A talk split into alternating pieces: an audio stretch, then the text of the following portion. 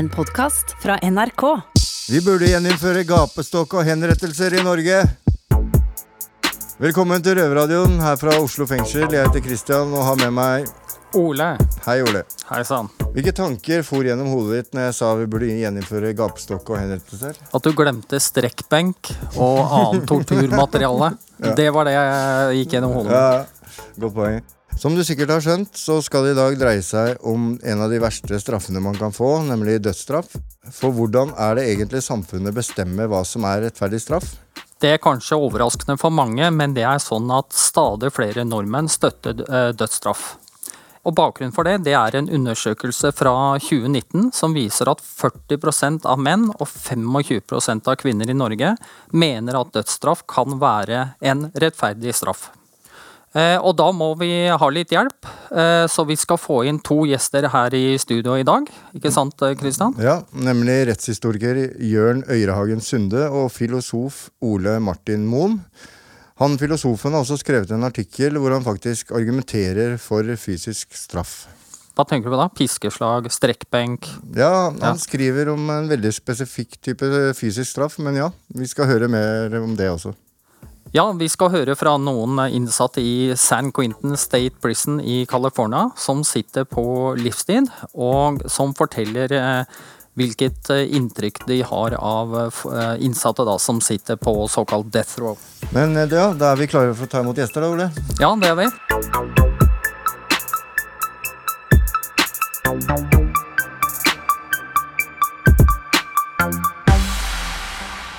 Velkommen inn til studio, filosof og professor Ole Martin Moen. Du har jo skrevet mye interessant og mye forskjellig. En av de tingene er fysisk avstraffelse, altså at du kan bli dømt til fysisk straff. Og ikke nok med det, vi har en gjest til her i studio. En professor som tidligere år holdt noe som kalles Årebrått-forelesningen i Bergen, hvor han gikk gjennom 1000 år med norsk rettshistorie på 200 minutter. Rettshistoriker Jørn Øyrehagen Sunde, velkommen skal du være. Takk skal du ha. Eh, først eh, spørre deg, kanskje, Jørn. Eh, hvor lenge har samfunn straffet folk? Eh, alltid. Så enkelt er det.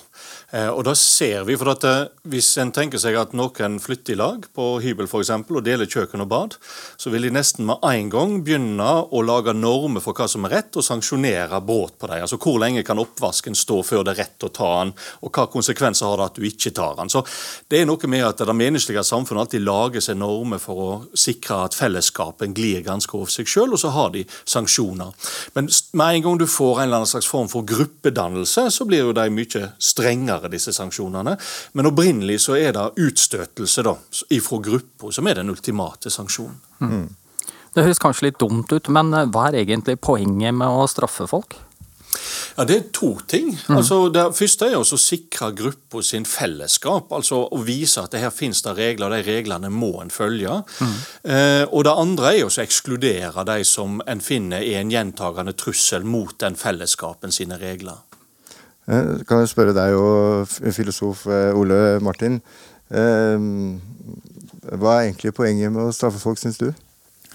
Altså, man må skille da, mener jeg, mellom eh, litt forskjellige ting. Én ting er, er å isolere noen fordi de f.eks. Eh, er en trussel mot de, de rundt seg. Det er ikke nødvendigvis det samme som, som straff. Eh, og man kan ønske å rehabilitere, altså gjøre noen bedre.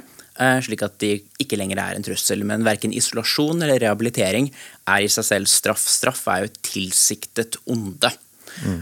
og det er egentlig to sånne hovedbegrunnelser for det. Én er jo at en litt sånn tilbakeskuende, som er at man på en måte fortjener eh, en straff. Noen har gjort et eller, annet, et eller annet galt mot noen. Og for å på en måte komme litt nærmere og rette opp i en urettferdighet, så skal man på en måte påføre et onde tilbake. Det er på en måte sånn tilbakeskuende syn. Eller man kan tenke motsatt, at det er for fremtiden. Det er for å avskrekke en selv og andre fra å gjøre noe slikt fremover. Så enten er det altså at noen fortjener det, eller det er på en måte samfunnsnyttig. da. Det er på en måte de to hovedbegrunnelsene for å påføre tilsiktede onder. Hvilke straffemetoder har vi brukt i Norge opp gjennom eh, tidene? Ja, Det er veldig mange ulike straffemåter, og det har vi da som Ole Martin er inne på. altså eh, det som er, er, en opplevelse som rettferdig straff, det er ikke bare et, et rent sånn teoretisk spørsmål, det er veldig mye et praktisk spørsmål. Mm. Eh, økonomi spiller alltid en veldig stor rolle, men òg religion. Og hva mm. har om, om, Gud og et, eventuelt et evig liv. Mm. Sånn at eh, etter, når, når slike faktorer endrer seg, så har måten vi straffer på òg endra seg.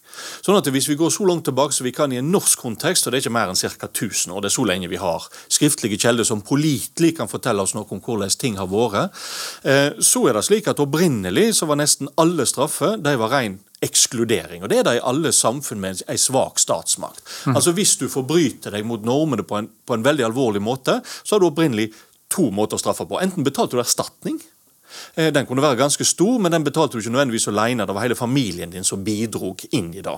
Og familien din det er alle til og med ute sjettmenning, så at det er etterkommerne etter dine tipp-tipp-tippoldeforeldre som hjelper deg å betale den erstatninga. Eh, og det er den ene måten å gjøre på, og det er den vanligste. Eh, men så har du nummer to, og det er jo eksplosjon. Altså at rett og slett noen blir fredløs, eller skogmann, som det heter, fordi at du måtte leve i skogen eller på fjellet, vekk fra de andre. Det betydde ikke nødvendigvis at du dør. Altså En fredløs kunne fritt drepes, men det var faktisk veldig sjelden. Stort sett så reetablerte de seg på høgfjellet. Så mange av disse gamle fjellgardene som ikke lenger er i bruk, da, det da var steder fredløse slo seg ned opprinnelig. Og Da kunne de få med seg familien og så starte på nytt. Så det er den opprinnelige måten å straffe på. Kroppsstraffe er da at du får en, en stat som f.eks. pisker folk eller straffer dem på andre måter. Da får vi ikke før på, på 1200-tallet. Da er statsmakta stor nok til at den har eh, tjenestemenn som kan utføre kroppsstraffe. Men eh, det, det blir veldig sjelden gjort. Det er først og fremst knyttet til tyveri. Andre typer forbrytelser, typisk drap, blir straffa med fredløse. Og Så har vi fengselsstraff. og den er litt sånn, Stort sett er fengsel bare i varetekt. og Fengselet var også så dårlige at det var tøft å overleve mer enn to måneder. Så altså, det var bare ren varetekt. Eh, fengselsstraff i stor stil da får vi først på, på 1700-tallet. Så det er den siste typen straff som kommer, og det er fordi den er så kostbar. Men eh, dødsstraff? Ja, den, den første dødsstraffen vi kan identifisere, var ikke overfor frie menn. Det var helt utenkelig. Den er overfor træler, mannlige træler som stjeler. Eh, den straffa er slik at da skal du ta den mannlige trælen ned i flomålet, altså det, det stykket som blir dekka av flosjø, men er tørt når det er fjøra sjø. Så skal du være der på fjøra sjø, og så skal hodet knuses. Det er ikke noe halshogging. Altså, det er en veldig brutal, veldig brutal straff. Så Det er den første dødsstraffa, men, men, dødsstraff sånn som vi forbinder det, at alle kan bli, bli, dømt til det, det er 1274, og det er henging for tjuveri. Mm. Men hvor, hvor lenge hadde vi dødsstraff i Norge? 1870-tallet. Da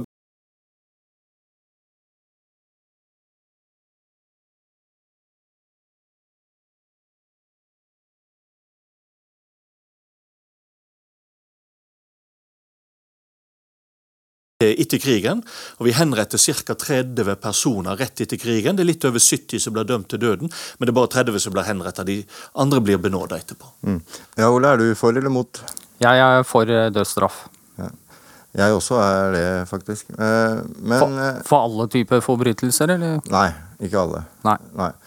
Men eh, altså, det er jo litt interessant det der om eh, vi som innsatte, du og jeg i hvert fall, mm. er for. Men ja. jeg vet ikke hvordan det er med andre. Så vi har eh, sendt ut en reporter på Eidsberg fengsel som har tatt fem på holdt på å si gata.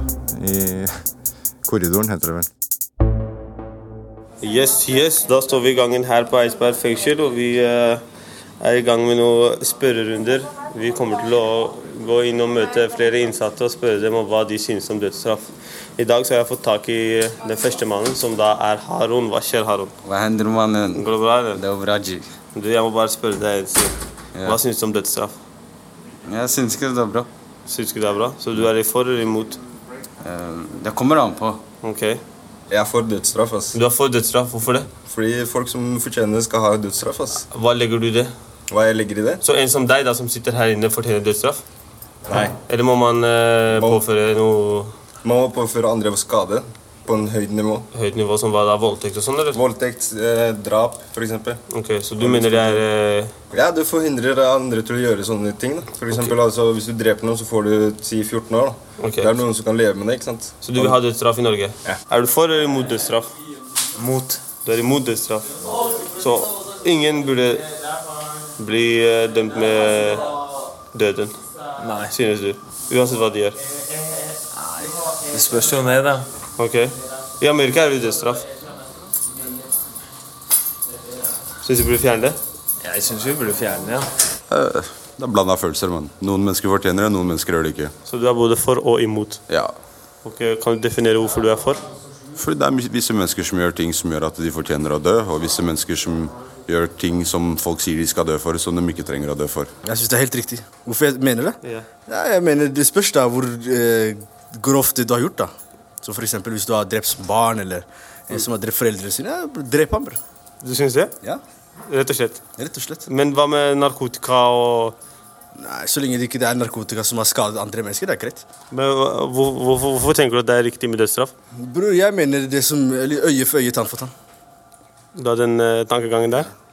Ok, men det er jo, altså Du mener at den eh, dødsstraffen som befinner seg i Amerika nå, burde starte i Norge?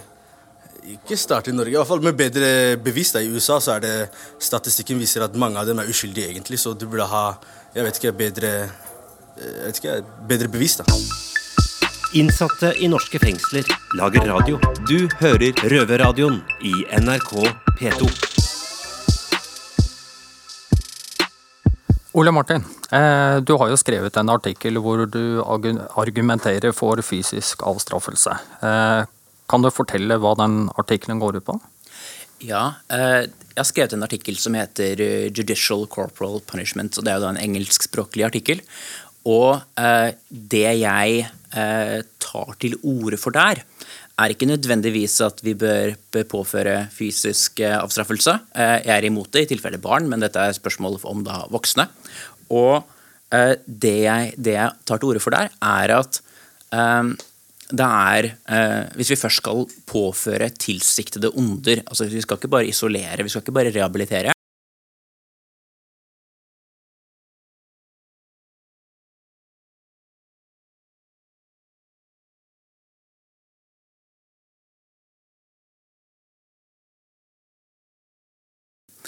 Og jeg tar til orde for at det er det ikke.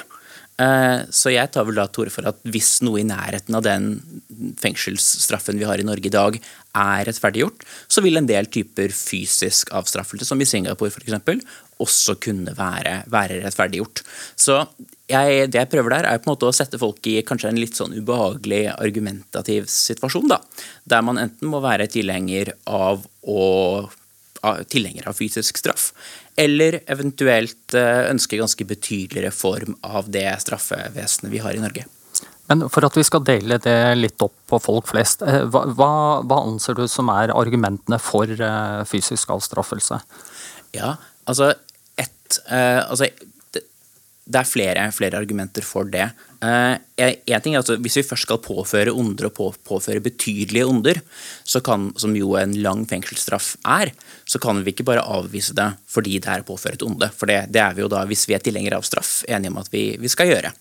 Eh, og eh, da er det jo et, eh, et spørsmål om i hvor stor grad er det fengsel faktisk er avskrekkende. I hvor stor grad har det faktisk en, en slik effekt. Kanskje ikke så, så veldig mye. Eh, fengsel koster veldig mye, som vi allerede har vært inne på her. Og det ødelegger også muligheter for å kunne komme tilbake for mange til familie, til en jobb osv. Så, videre. så det er på en måte en veldig stor kostnad knyttet til fengsel på, på alle sider. Og da er jo spørsmålet det jeg egentlig gjør, er- å prøve å gå gjennom veldig mange av de forskjellige argumentene som man kan, som man kan fremme for at eh, fysisk avstraffelse ikke kan være greit, og søker å tilbakevise de og vise at ja, vi kan avvise det, men det vil i så fall være av argumenter som gjør at vi, vi også må, må avvise fengsel slik det, det gjøres i dag. Men det er på en måte noe av det jeg prøver å få frem der, da, er at det vi gjør i dag, er at vi forsøker å få det til å se pent ut fra utsiden. Vi kaller det kriminalomsorgen. Eh, eh, vi kaller det ikke sånn eh, lidelsespåføringsetaten, liksom. Eh, vi, vi prøver å få det til å se pent ut, og det er klart fysisk avstraffelse er jo, ser jo forferdelig ut, det er jo rystende. Men jeg tenker jo det er i hvert fall mye mer ærlig, da enn å påføre et veldig stort onde og prøve utenfra å få det til å se ut som om det vi driver med, egentlig ikke er straff, når det faktisk er det vi gjør. Hvis du skal begynne å begi deg litt ut på argumentene mot det, hva, hva vil du si da? Mm, det er jo mange argumenter imot det. Kanskje det jeg syns er det beste argumentet mot det, uh, vil være at det sender et signal uh, ut i befolkningen om at bruk av altså fysisk vold er en, en grei måte å respondere på handlinger man ikke liker. Altså at det kan ligge i det en slags normalisering av vold. Uh, klart Tilbake kan man si at, uh, at, uh, at signaliserer ikke fengsel det at man kan si, låse folk inne over lang tid, f.eks. Man kan tenke at det også er en signaleffekt, men det er klart fysisk vold og angripe noens kropp er på en måte en sånn veldig basal ting som vi bør ha et tabu mot i samfunnet. Så det er eventuelt å rikke på et slikt tabu som jeg vil se på som det, den største, den mest tungtveiende innvendingen mot å, mot å straffe på den måten. Hvis, jeg kan få der stille et oppfølgingsspørsmål. fordi eh, Du var jo inne på det. altså Da å få sin fysiske integritet krenka, det oppleves og psykisk tyngende. Eh, sånn at eh, Spørsmålet er jo altså, om, om det skillet mellom at fengsel påfører psykisk plage og en kroppslig avstraffelse en kroppslig plage. Om det skillet er så klart, fordi det ble påført en fysisk integritetskrenkelse, vil jo muligens føre til, til psykiske problemer òg. Altså, hvis vi snur helt på det, ser vi fra den andre synsvinkel, så det som ofte eh, voldtektsoffer eh, er opptatt av, er ikke selve voldtektshendelsen, men konsekvensen det har med at du alltid er redd for ny integritetskrenkelse. Altså Det er den psykiske skaden som følger, ikke selve den fysiske handlinga. Hva tenker du om det i forhold til kroppsstraff? Um, jeg er helt enig i at det går ikke an å trekke et veldig tydelig skille mellom fysisk smerte og psykisk smerte. Egentlig mener jeg vel ultimat sett at det finnes ikke noe fysisk smerte. Smerte er en opplevelse, så all smerte er egentlig psykisk. Eh, det er bare psykisk smerte ultimat sett. Spørsmålet er hva som er årsaken til den. Er det på en måte eh, eh, frustrasjon, depresjon, angst, altså det emosjonelle ved det? Eller er det et slett noe som bare skjer i, i kroppen, altså eh, eh, nerver som sender smertesignaler? Det er det som eventuelt er, er forskjellen. Og det er ingen tvil om at, eh, om at fysisk avstraffelse kan og vil ha eh, langsiktige negative effekter for mange, men det har jo også fengsel. Fengsel har jo også betydelige psykiske eh, negative effekter for mange, ikke for alle, men for mange. Eh, som altså PTSD, angst, eh, depresjon. Eh, så dette er det noe forskning på, ikke så veldig mye.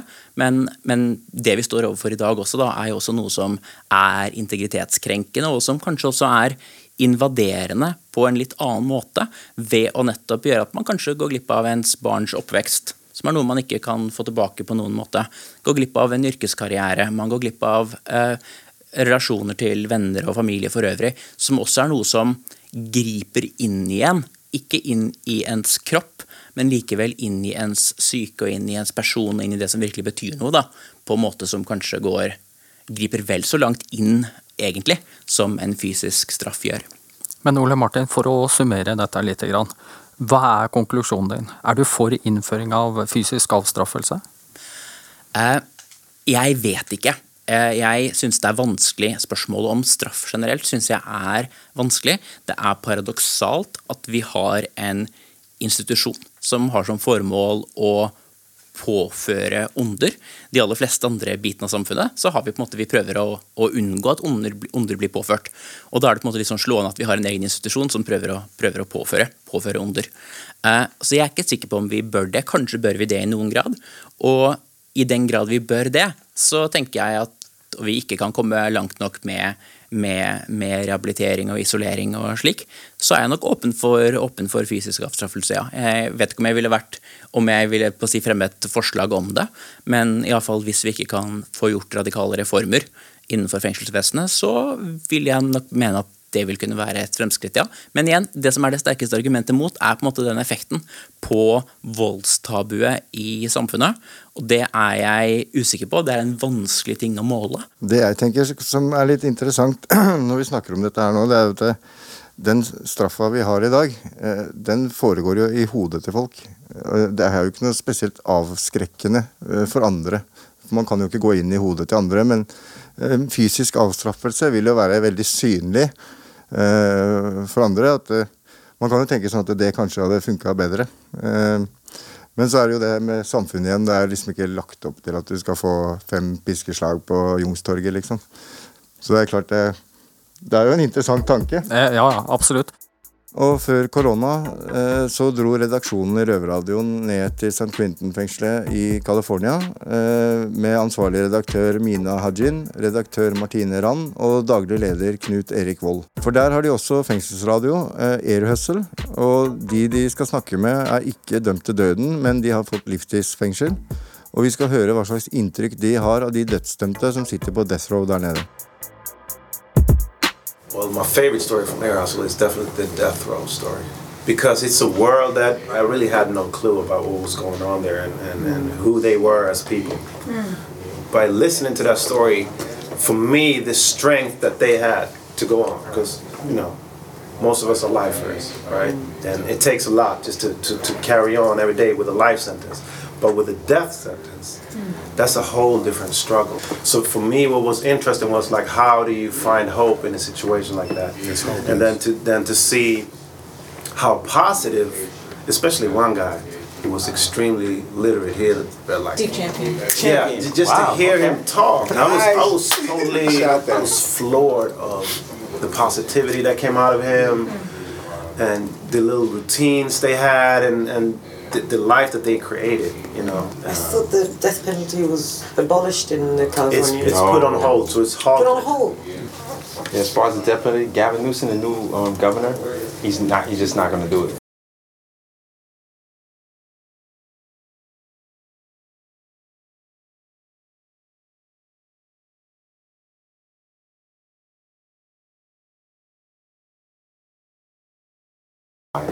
But what's the media's role in all that? Because they must have painted a pretty sick picture of inmates if uh, the, the, population of California think it's okay to Oh, kill don't somebody. know. I think. I think probably. I think that when people think of death row, they probably think of serial killers, and there are definitely some people up there I don't understand. Yeah, but still, But I mean, killing people- somebody is quite a drastic move. no matter what you've done, you know, if you and if you if you've done something really, really, really crazy, then I think the role I think the role that the media played is that they didn't play enough role. Yeah. So when the death penalty like really was like pushed, like it again it was just, it was sensationalized, right? And everything from movies, books, songs, right, has portrayed the uh, uh, the condemned role as a place of having everybody in there that's like Charles Manson and like Hannibal Lecter and just all of the people that like the world just teaches you to fear when I don't think the public really knows the ins and outs of what it takes to to have to have a crime be considered a, a capital crime Yeah. and a person be sent to death. Ok, det var gutta på Death Row i St. Quentin i California. Eh, hva tenker dere om det vi hørte? Eh, Det fikk meg til å tenke på en av de siste dødsstraffene som ble eh, eksekvert eller ble utført i Norge. Det er i 1947, og det er en av de som ble dømt etter andre verdenskrig. Fordi Den diskusjonen den minte meg om dette med at eh, det er òg et spørsmål når du, hva er rettferdig straff. Hva fokuserer en på? Fokuserer en på handling eller på person? For her snakket de jo både om personer som de hadde møtt, som, som satt der og venta på dødsstraffa si, som, som, som kunne være kloke folk og, og humoristiske folk. Og så snakket de òg om dette med seriemordere og de grusomme handlingene. Og De tingene kan av og til stå opp imot hverandre. Og En av de siste som ble henrettet skutt på, på Sverresborg i Bergen, heter Holger Tau og var fra Stavanger. Veldig interessant sak, fordi når du leser hva han ble dømt for Han var torturist for Gestapo. Og det han gjorde, er så grovt at du, du ble rent Magen vrenger seg når du leser det. Og han, var, og han, gjorde, han torturerte òg utover det Gestapo ba han om. Så han, er, var virkelig, altså, han var skyld i grusomme handlinger. Allikevel så ble han ikke dømt til døden opprinnelig av lagmannsretten, men bare til livsvarig fengsel. Når han ble dømt til døden av Høyesterett, så prøvde både biskop og ordfører i Stavanger å få ham benåda. Hvorfor? Jo, fordi han var psykisk utviklingshemma. Han var rett og slett ikke helt intellektuelt i stand til å forstå, og ikke minst, han var ikke i stand til å føle med et annet menneske.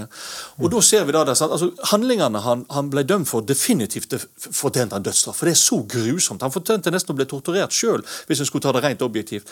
Samtidig så var han altså psykisk utviklingshemma. Så hva er rettferdig straff? Det er forferdelig vanskelig Mm. å avgjøre. Mm. Man, man tenker jo kanskje at eh, dødsstraff skremmer folk fra å gjøre kriminelle handlinger, men fungerer det egentlig sånn? Jeg er nok litt på den retning at jeg tror ikke egentlig at noen dypest sett fortjener en straff.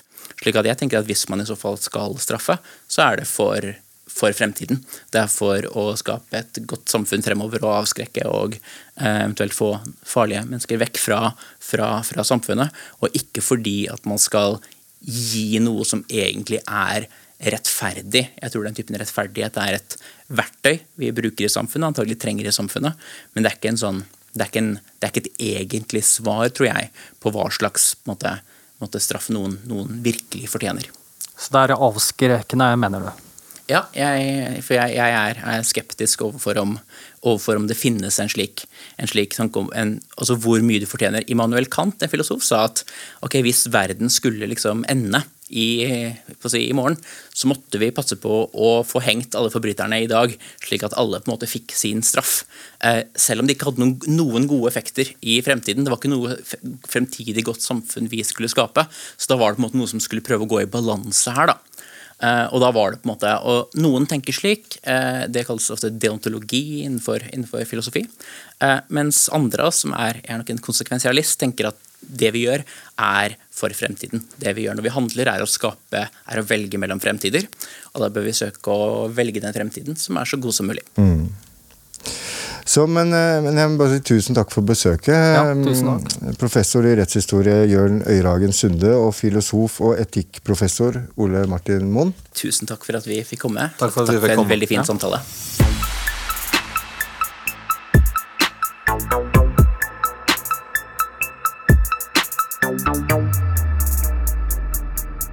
Ja, Ole, hva sitter du igjen med etter denne samtalen? Hva er det du beit deg mest merke i?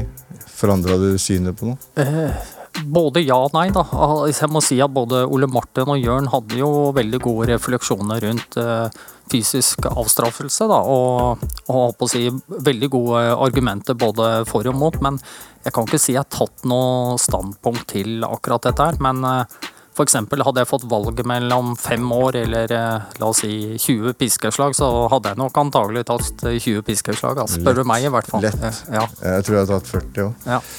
Ok, 50 da, siden jeg er her. Ja, eh, men da begynner vi å nærme oss slutten her. Eh, når hører du oss igjen?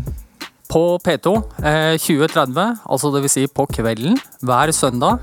Eller podkast, når Eller- du vil, hvor du vil. Ja, og så må du huske å like oss på Facebook, eh, Instagram. Twitter, Instagram, hvor enn du finner Røverradioen. Vi prates. Det gjør vi. Hei. Tjei. Røverradioen er laga for og av innsatte i norske fengsler. Tilrettelagt for streitinger av Rubicon for NRK. Du har hørt en podkast fra NRK. Hør flere podkaster og din NRK-kanal i appen NRK Radio.